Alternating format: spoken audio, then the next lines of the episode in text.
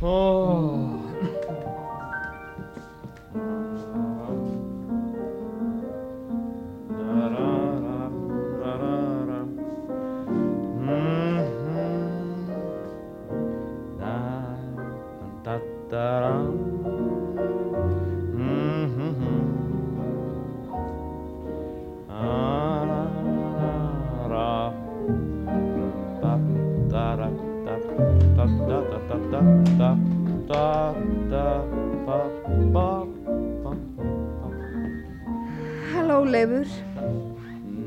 Komin, elskan. Hvað sagði læknirinn? Er ekki allt í lagi? Jú, jú, það er allt í lagi. Ég hef bara hægt að dansa. Guðsílof. Nei, nei, nei, ég- nei, ég myndi eitthvað leiðinlega. Ég átaka það rólega næstu mánuðin, en ég má gera allt sem ég langar til. Ég er hægt að reykja, góði. Já, já, já, ég er nú eiginlega hættur líka. Og þú ert hætt að vera í fílu við mig, hm? Og ég lofa að hætta að minnast á ballið. Ballerti má fara hvert sem hann vil fyrir mér. Ég hef komin sex vikur á leið. Á leið?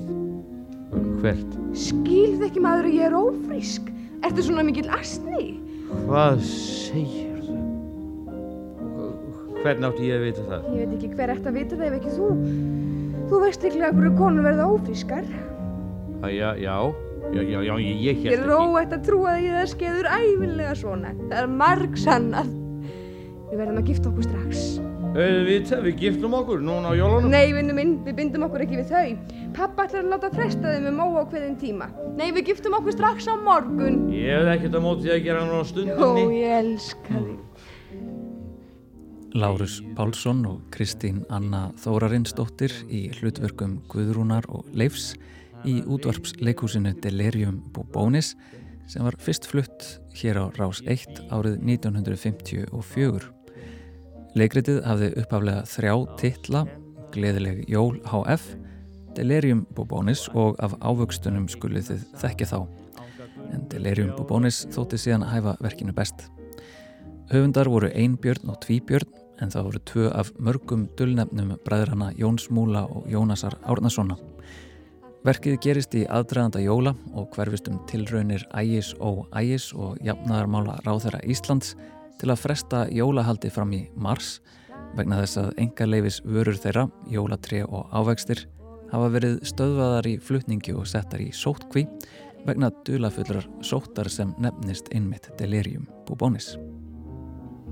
Og er húmsins hljóðaró, nýgur á mitt píanó, kemur hún með kaff og inn í skó. Og hann segir unga dís, ertu send frá paradís. Svo hefjum við kossa í hundraðavís.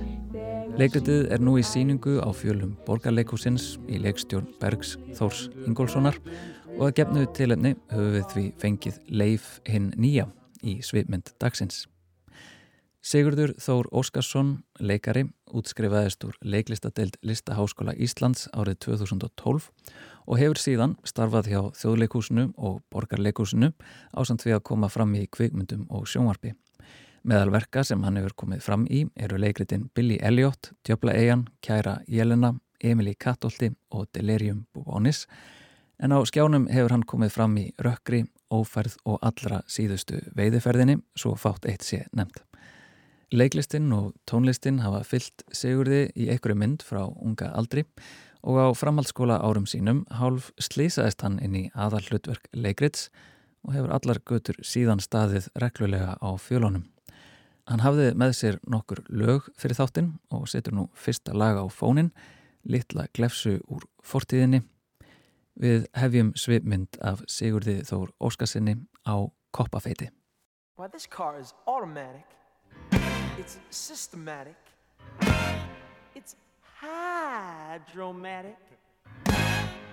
Why, it's greased lightning. Greased lightning. We'll get some overhead lifters and four barrel quads, oh yeah. Keep talking, won't keep talking. Fuel injection cut up in chrome plated rods, oh yeah. I'll get the money. I'll keep you get the money. With the four speed on the floor, never waiting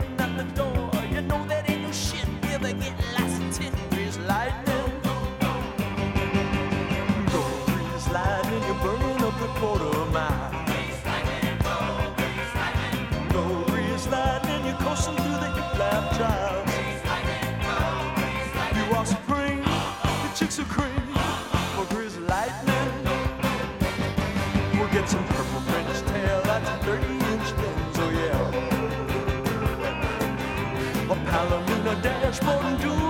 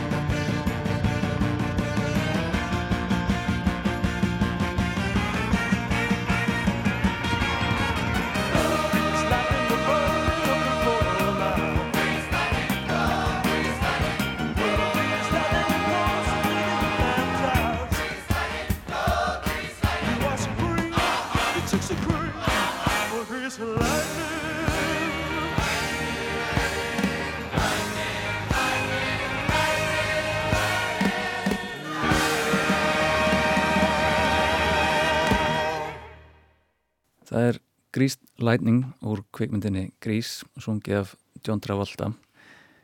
Þetta lag er valið af leikaranum Sigurði Þór Óskarsinni sem situr hér á móti mér. Velkomin í þáttinn, Sigurður. Takk fyrir kjalla. Mætti ég spyrja hvers vegna valdur þetta lag fyrir þáttinn? Já, þetta er sko, þessi kvikmynd var til á spólu heima á mér sem að sýsti mín horfði mjög reglulega á og ég þar að leiðindi líka. Um, og ég fór svona að hugsa hvaða lög og svona augnablík það hafa verið sem að gerði mig að þeim listamanni sem ég er í dag. Og þar á sýsti mín rosa stóran þátt. Og, og þetta er kannski svona það fyrsta sem ég man að hún það má eiginlega segja að hún, hún hafi ítt mér út í þetta frá bara unga aldri. Eins og til dæmis þegar ég var þryggjára þá kendi hún mér þennan dans við þetta lag sem við öll þekkjum hérna með hendina út og svona til hliðar og, uh, og ég dansaði þetta í afmælinu hennar fyrir hennar vini þannig að þarna var ég strax byrjaðar að veginn að vera með atriði og, og, og tróða upp sko þryggjára uh, svo í framhaldinu þá þarna held ég að hún hafi svolítið svona herðu býtu nú við, þetta er nú eitthvað sem ég get unni meira með mm. Út af hún er líka hún er, hún er söngkona og, og hérna og hefur gaman að því að koma fram líka. Um, og svo þegar ég er aðeins eldri þá, þá fer hún að nota mig í að syngja með sér. Og hún að spila á píanóið.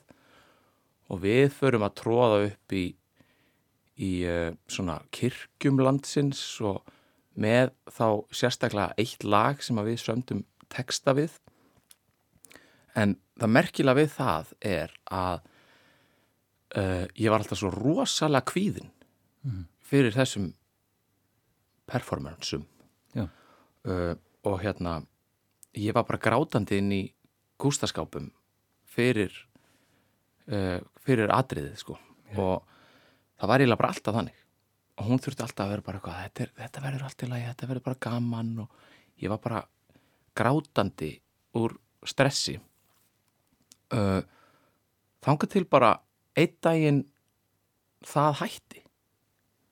Og þá svona má eiginlega segja að ég hafi ekki orðið stressaður síðan.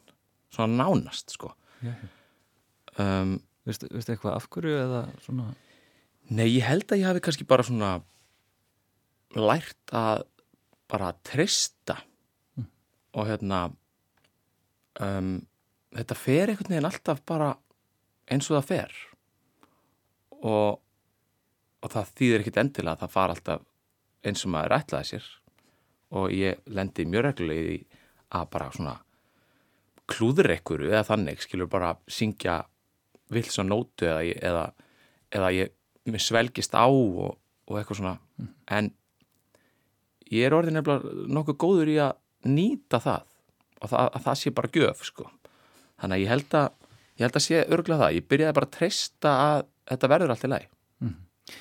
Áttu ykkur dæmum um, um hvernig þú hefur nýtt, nýtt slík mistök eða? Ég, ég man bara einhvern tíma var ég það var nú ekkert langt síðan sko, þá var ég að syngja með einmitt Ágústu, sýstu minni um, og röddi mín bara svona alveg bara og ég, bara, ég, hún var bara hér og ég bara svona hóstaði og hóstaði og ég bara svona bað fólk bara afsökunar og hérna, það var okkur ársátíð og svo bara, svo bara bað ég um vasklas og það kom bara og ég fekk mig bara smá sopa. Og svo heldum við bara áfram. Og það var bara að, að það, er bara, það er bara frábært. Og þetta hefur reynda líka gerst á sviði bara akkurat þetta ég hef bara svona snögg þotnað. Það var hérna í það var í Billy Elliot og ég var að leika svona ballettdansara svona, sem var svona reykjandi. Og Jóhann Sigurðarsson spyrir mig hvaðan í, hvaðan í fjandanum er þú? Og ég á að segja ég er frá Glasgow nema ég tek eitt smók af síkaretunni og ég finn bara svona ó, ó það er, það er engin rödd bara hvöðmugóks og og hann spyr, hvaðan í fjandanum er þú? og það kemur henni bara ég er frá Glasgow. Og á stóra sviðinu, það heyrðist ekkert í mér sko. Og ég bara svona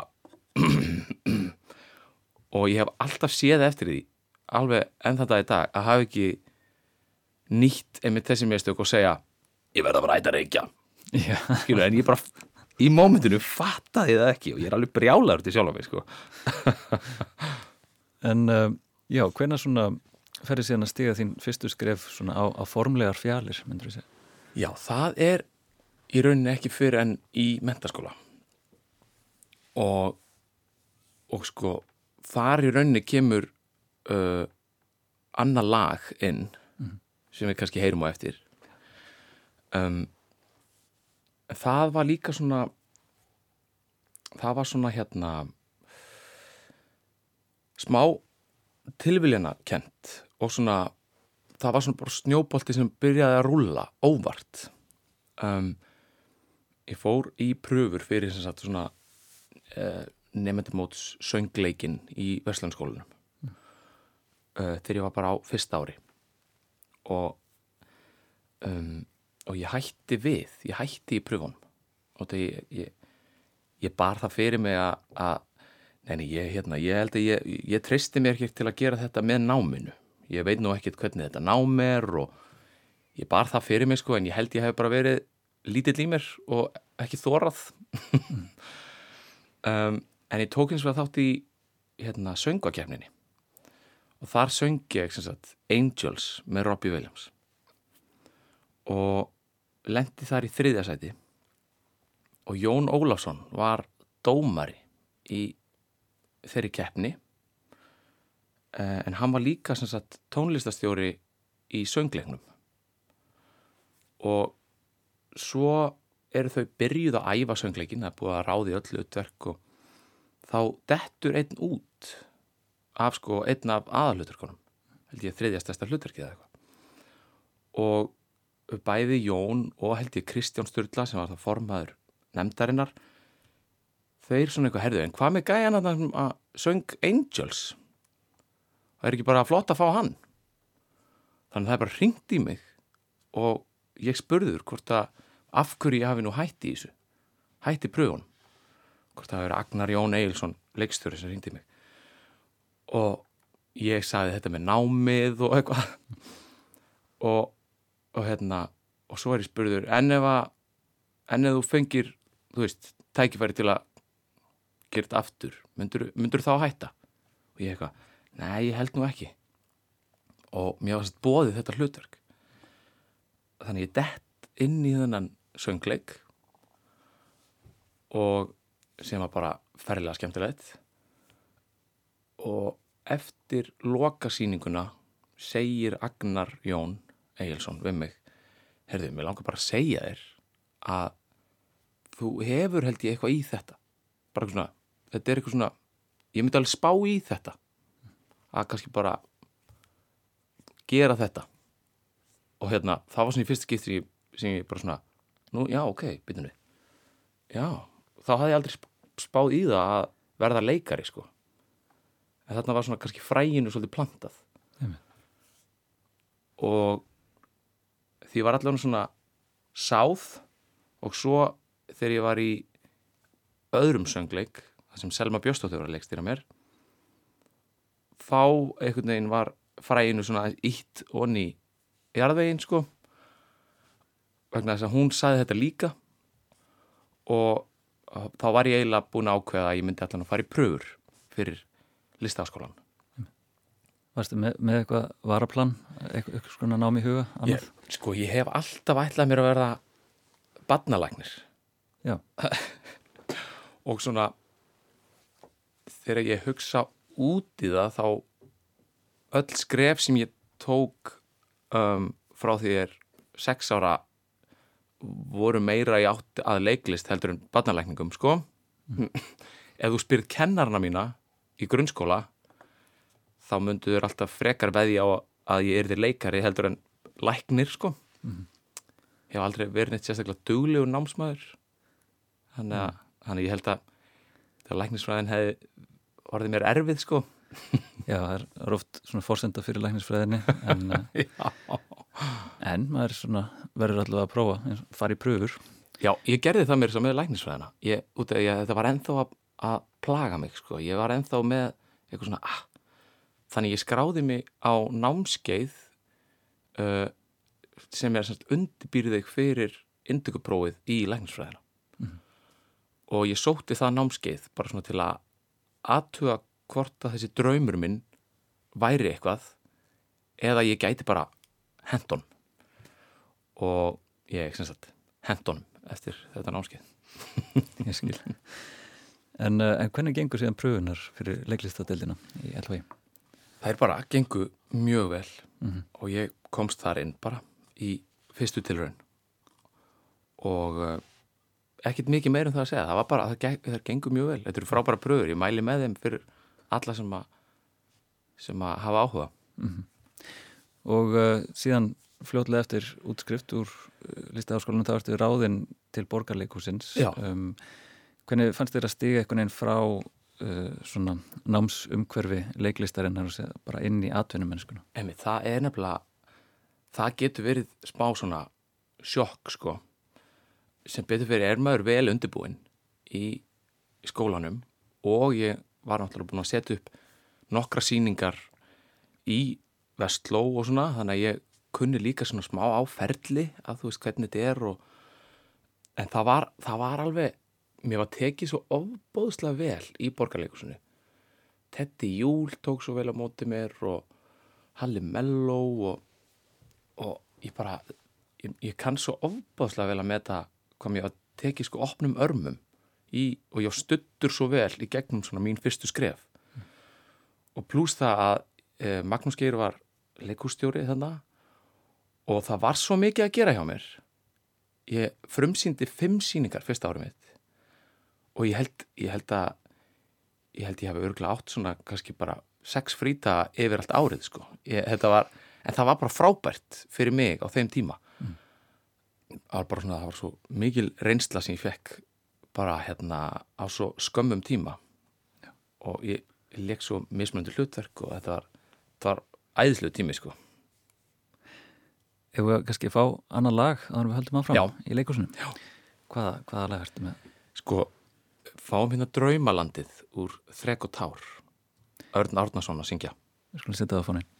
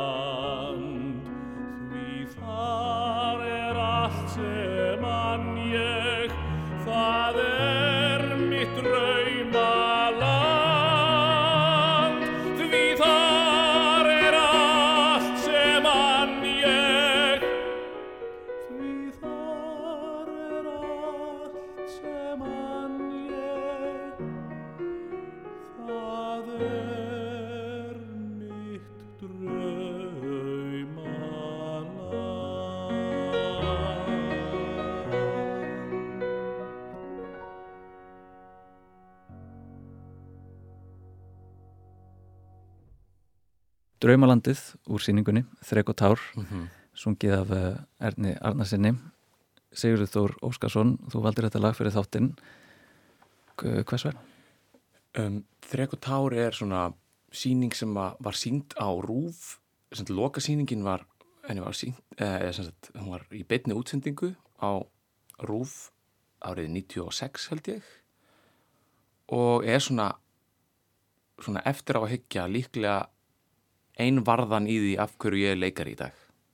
Ég horfði alveg endalaust á þessa síningu kunnan utanað og, og svona leikhús áhugi held ég kviknaði svolítið þar.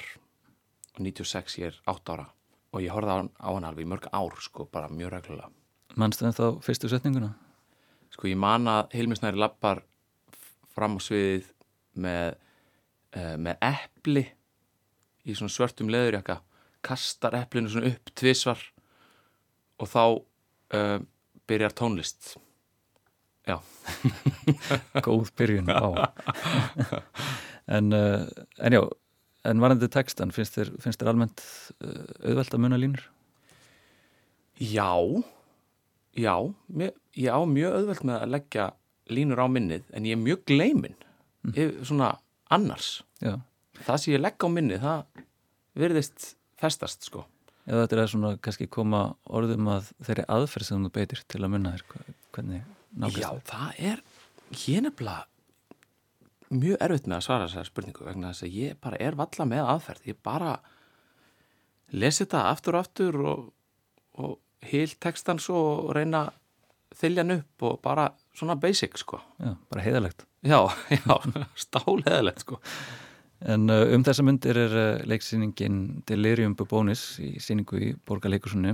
Uh, það er síningur smið Jóns Múla og Jónasar Árnarssona. Þar leikur þú dægulega smiðin Leif uh, sem er eitt af ástafið fengum Guðrúnar, hinverandi atomskaldið Undór Andmar, fallega nafn.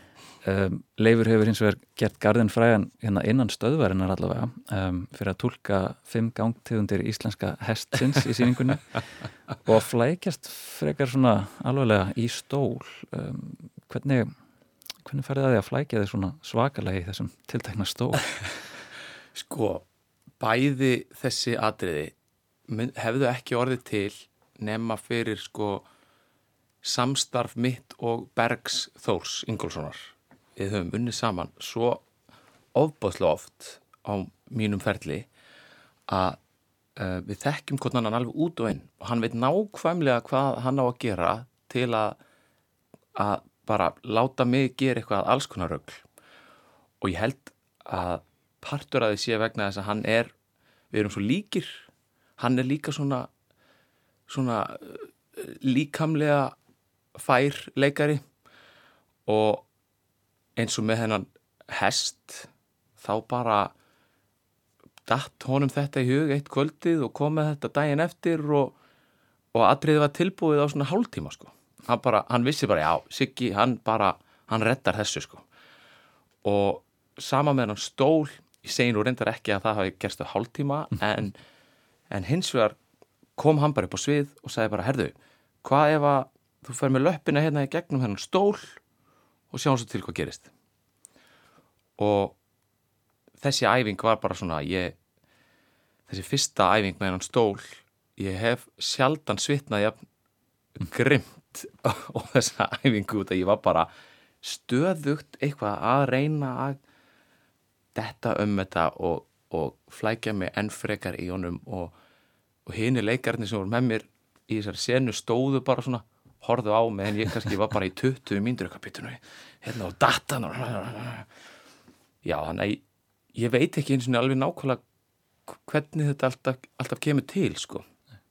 En ég og Bergur erum eitthvað svona erum eitthvað, eitthvað blanda þarna sem að er, er mjög góð sko. En uh, varðandi hann, hann Leif, um, dægulega söngvaran, hver, hver er þessi maður? Sko ég ég leitaði mér smá innblástus uh, til Jökuls Jakobssonar. Ég las til dæmis bókina Perlur og Steinar árin með Jökli eftir Jóhannu Kristjónsdóttur uh, og svona var aðeins að aðeins að skoða ég, las svona fyrst, fyrstu kaplana svona hvernig þau voru að byrja saman. Og það fannst mér vera svona Bergur bendi mér á þessa bók og, og ég tengdi rosa mikið við hvernig þau voru að byrja saman með að við sagt, Leif og Guðrúnu í, í verkinu. Þau eru svona ung og alveg brjáluð í hvort annað en getur verið svolítið svona stormasamt. Og við ákvæðum frekast nefna að hann væri kannski svona pínlítið drikkveldur en samt ekkit svona engin ofbeldismæður með það skilur en bara svona finnst gott að fá sér og hérna já, við leitum líka bara svona smá í hennan bóhem listamann. Svolítið svona skemmtilegt inn í þessa fjölskyldu í Delirium Búbónis þau eru öll svona svolítið, svolítið fín og settleg og með allt sitt á hreinu einhvern veginn. Og í svolítið fínum fötum. Hann er aðeins meira svona aðeins meira svona grófur sko. En sjarmirandi var það að vera sjarmirandi og, og skemmtilegur aðalega það, hann var það að vera skemmtilegur svo að ég var alltaf með svolítið áhugjur að því að sko áhorfendur myndu frekar frekar halda með undóri andmar. Sem ég vonaði að gera ekki. En uh, já, þegar þú ert svona að setja það inn í, inn í hlutverkið, um, gerur mikla rannsóknarvinnu fyrir hverja personu? bara mis mikið. Já, mm, stundum líður mér eins og ég bara þekki einstaklingin alveg bara um leið og ég les handritið. En stundum þarf maður að leita og svo gerist líka eins og bara í þessu tilviki mm, með Delirium Bubónis þá, þá breytist karakterinn svolítið bara svona alveg á lokametrónum og það gerist mjög oft að maður einhvern veginn maður uh, er að leita og leita allt æfingarferðlið svo kemst maður á eitthvað stað þar sem maður er svona byrjar að vera smá sáttur eða maður byrjar svona að detta á eitthvað á svona á okkur uh, leið. Og svo alveg í lokin þá vil maður fara eitthvað aðra leið. Og það er mjög gaman. Mm. þá, þá ef maður byrjar að þekkja svo vel að það er í rauninni ekkert mikið vandamál að breyta honum alveg. Eða þú veist, þú veist, maður veit hvað lætur hann ganga sko og það er alltaf mjög spennandi út af þá fær maður líka bara svona mjög svona ferska nálgun á hann rétt fyrir frumsýningu Já. sem er mjög skemmtilegt og, og hvað myndur þú segja að láti hann, hann leif í delirium uh, ganga? Hvað, hver er kjarnin? Það er tónlistin Já. alveg 100% og, og ástin sko og hérna og svona að hafa, að hafa gaman af lífinu. Hann er mjög kaltæðin stríðin. Um, já, ég held að, ég held að, ég held að hafa gaman sé mjög svona lífið á að vera skemmtilegt. Og, og síðan, ég veit ekki hvort það sé mýta eða ekki en um, þegar þú ert síðan á sviði og, og, og kannski búin að renna leikritinu nokkru sinnum og finnst þér þú á einhvern tímupunkti alveg bara verða eiginlega skipta um sjálf uh, og verða Mm. manneskjan? Nei, ég er nú ekki alveg þar sko. Það er alltaf skilrún Já, En, en mér finnst kannski eins og ég þurfi ekki að að mm, ég veit ekki hvernig ég orða þetta. Hvern, svona, mér, mér líður eins og ég kannski þurfi ekki að setja mig beint í í karakter. Að ég detti svolítið bara í hann. Að ég bara svona það, það verður ekkert mál. Já. en nei, nei, mér finnst nú alltaf góð skil, sko. Það er kannski holdt Já, ég myndi segja það, sko. En uh, nú uh, hefur fengistu mjög mörg hlutverk á þínum ferli, þetta eru kannski cirka átt 11 ára fer ferill frá því Mhm. þú útskrifast. Og uh, já, svona komið við að við bæði í, í drama, harmleikjum, gamanleikjum en kannski verið engar farsæl sem gamanleikari. Mm -hmm.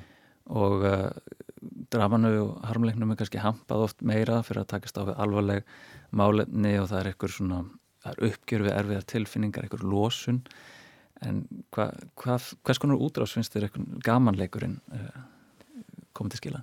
Sko, uh, að leika í gamanleik er eitt svona mest fullnægandi dæmi sem þú getur gert á sviði uh, eins, og, eins og að leika í farsa það er alveg ótrúleg upplifun og bara þeir leikara sem hafa ekki leikið í farsa þeir bara eiga alla mína samúð vegna þess að þetta er stórkostlegt sko. um, líka vegna þess að viðbröðun eru svo svakalega mælanleg Mm. í dramanu þá ertu kannski alveg að slá í gegn þú ert að leika frábærlega og þú ert, þú ert með áhörendur í heljar greipum þú finnur það kannski ekkit endilega. En í gamanleikjunum þá finnur það svo sannarlega. Svo er líka að það er líka eitthvað bara ótrúlega ánægulegt að að láta fólk hlæja vegna þess að það er bara svo lífsnöðsynlegt fyrir okkur og, og það líður öllum vel þegar við erum búin að hlæja kannski í tvo klukkutíma. Það er bara það er betra en já, ég, ég, ætla kannski ekki að líka við neitt en það er hérna bara, það er stórkoslegt En, en sem síðan uh, áhorfandi á, á gamanleiki og, og kannski gamanamyndir uh, sækir mikið í, í gamanefni sjálfur? já, ég ger það. Mhm. mér finnst mjög gaman að að horfa á, á grín. Ég, ég hlæ hins vegar mjög lítið upphátt. Hef ég tekið eftir þegar ég er að horfa á eitthvað sem að mér finnst mjög fyndið? Ég hlæ ekkit endilega svona hátt og ég, ég, ég er alltaf svo þakklátur fyrir áhörunduna í leikúsinu sem að hlæja svona hátt. Og þetta ég held að ég sé ekki svona gjafmildur leikúsgestur En, en síðan sko fór ég að velta fyrir mér með gamanleikin uh, þetta samræðu stemmingin að með ekki segja sama brandarann tvísvar sko, þá hætti hann að vera fyndin mm. En nú er uh, svona leikritið sem slikt uh, list endurtekningarinnar Mhm. þú, þú fer- með sömu frasana, sömu orðin, sömu brandaranna um, finnst þér einhvern veginn sjálfum uh, leikritin þinnast eftir því sem þú sýnur þau oftar Nei, þarna er sko nefnilega, þarna er líka, finnst mér það sem er svo æðislegt við gamanleikina, að maður er alltaf að bæta brandarann. Án þess að, án þess að hérna, breyta orðunum eða, en það er bara, það er bara svona, bara þessar, þessu pínu lit- litlu núansar í, í hvernig maður segir brandarann, hvert maður horfir, það, það er það skemmtilega. Ég var eins og í leikriti sem heitir Beint í æð. Haldur og Geirastóttir var að leikstýra. Og þetta var svona farsi. Algjör farsi. Bara hörðaskellur, hinga og þangað og bara... Og það var svo áhugavert þegar við vorum að gera þennan farsa að þegar við fengum áhörundur inn og uh, við rendum þessu svo kannski kom brandari sem var bara sem var virkaði ekki. Hann, það var ekki hleið og við vorum bara, ha, þetta er fyndið. Af hverju hlóðu þau ekki? Og þá var bara svona, fór svona grín starffræði í gang sem var æðislegt. Þá var bara ekki, herðu, ok. Á morgun prófaðu þegar þú kemur inn horfðu þá til hægri lítu svo í augun á honum segðu setninguna þá lítur þú til vinstri segir svo setninguna þína. Og við prófum það þannig daginn eftir og allt sprakk. Og bara ha? það var bara svona að bara, að, og, og sko að setja upp svona grín er það tæknilegasta sem þú getur gert held ég á sviði.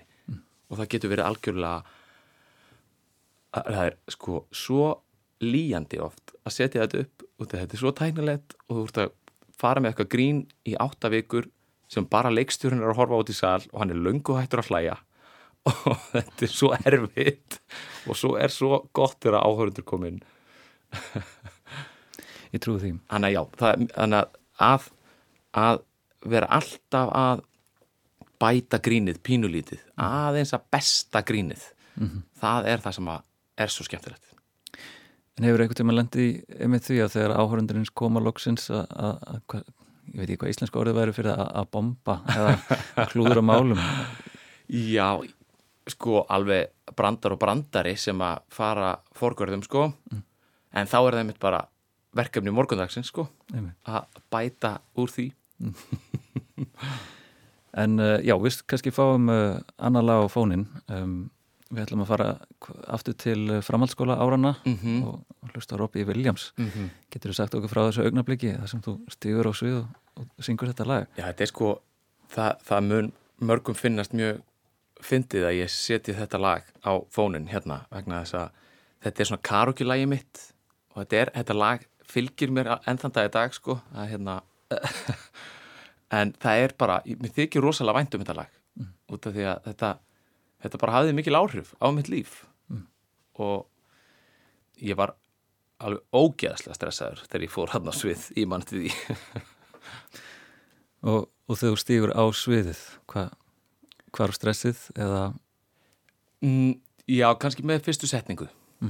En það er mest stressandi held ég þegar bara introið er í gangi og bara þú ert að fara að syngja. Það er, það er mesta stressið þá. Svo, dung, droppar það niður I sit and wait. Does an angel contemplate my fate? And do they know the places where we go when we're gray and old? Cause I have been told that salvation lets their wings unfold. So when I'm lying in my bed, thoughts running through my head, and I feel that love is dead, I'm loving angels instead. And through it,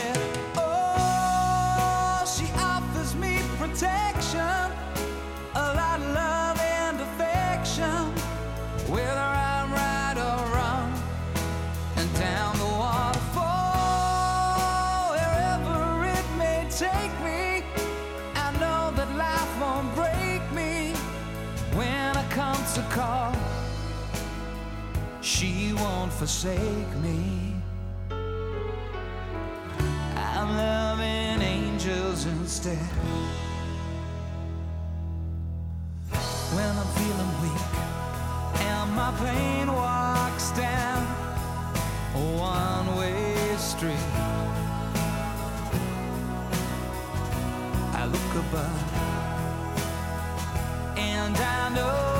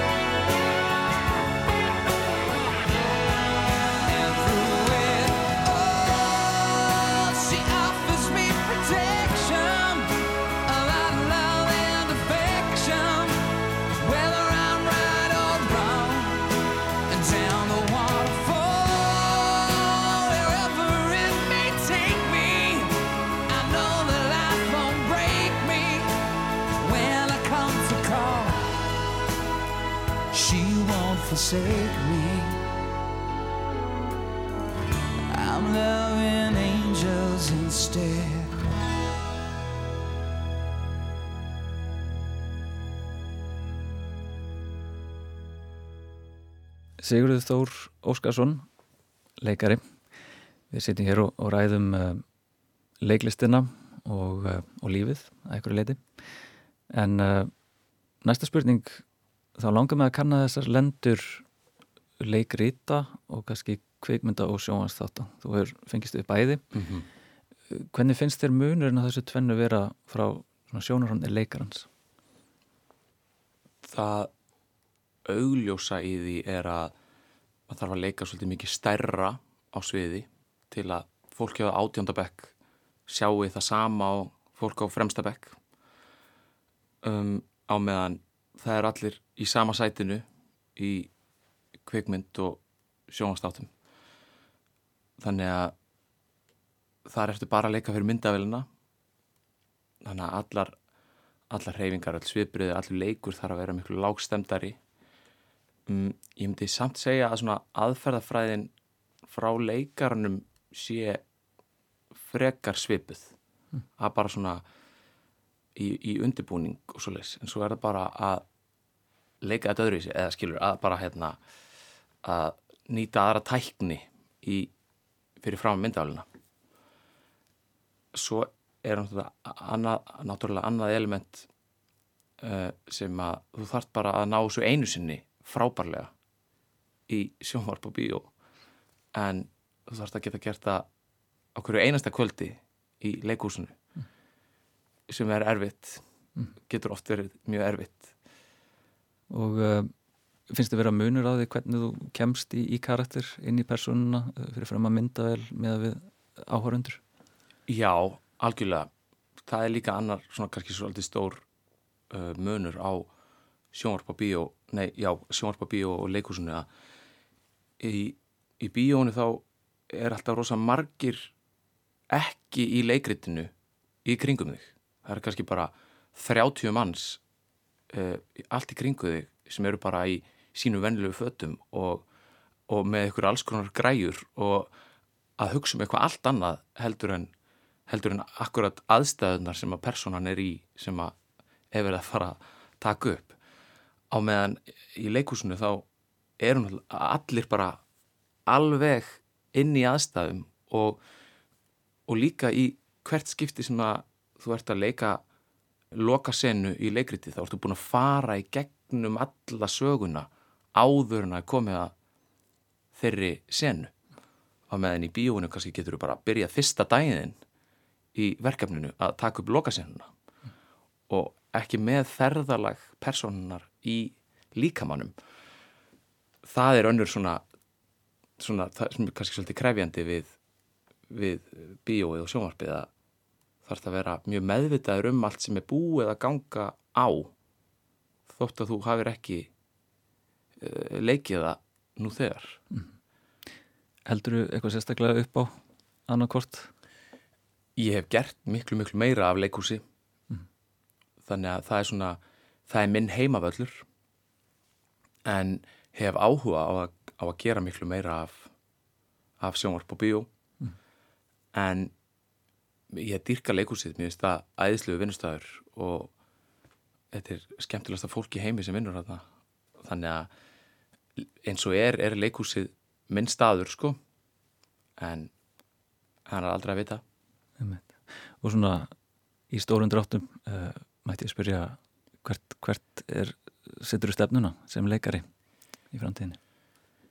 Mm, Mín stefna eins og er er að uh, njóta þess að vera leikari.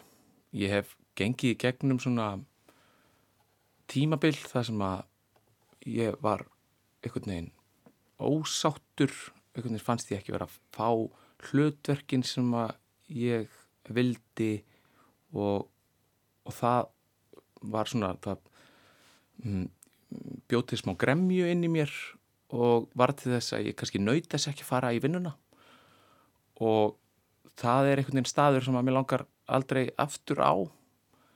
Þannig að ég myndi í rauninni segja að mitt markmið væri bara að njóta þess að vera leikari og njóta þess að fara í vinnuna á hverjum degi. Ég held að það sé mjög góð loka orð fyrir þáttinn. Sigurður Þór Óskarsson, leikari, takk hérlega fyrir komuna í Sveimund. Takk fyrir Og hér líkur Sveimund við sjár af Sigurði Þór Óskarsinni leikara. Ég, Tómas Evar Ólafsson, þakka fyrir mig í dag og minni á að Sveimyndur okkar er nú hægt að nálgast hverja á fætur annari í sérstöku hlaðvarpi í spilara rúf. Og við endum þáttinn í dag á tólkun Óskars Guðjónssonar og deleraðsins á tónverki Jóns Múla Árnarssonar, Brestur og Brak en lagið er hluti af síningunni Delerium Bubónis sem Sigurður Þór leikur í um þessar myndir í Borgarleikusinu.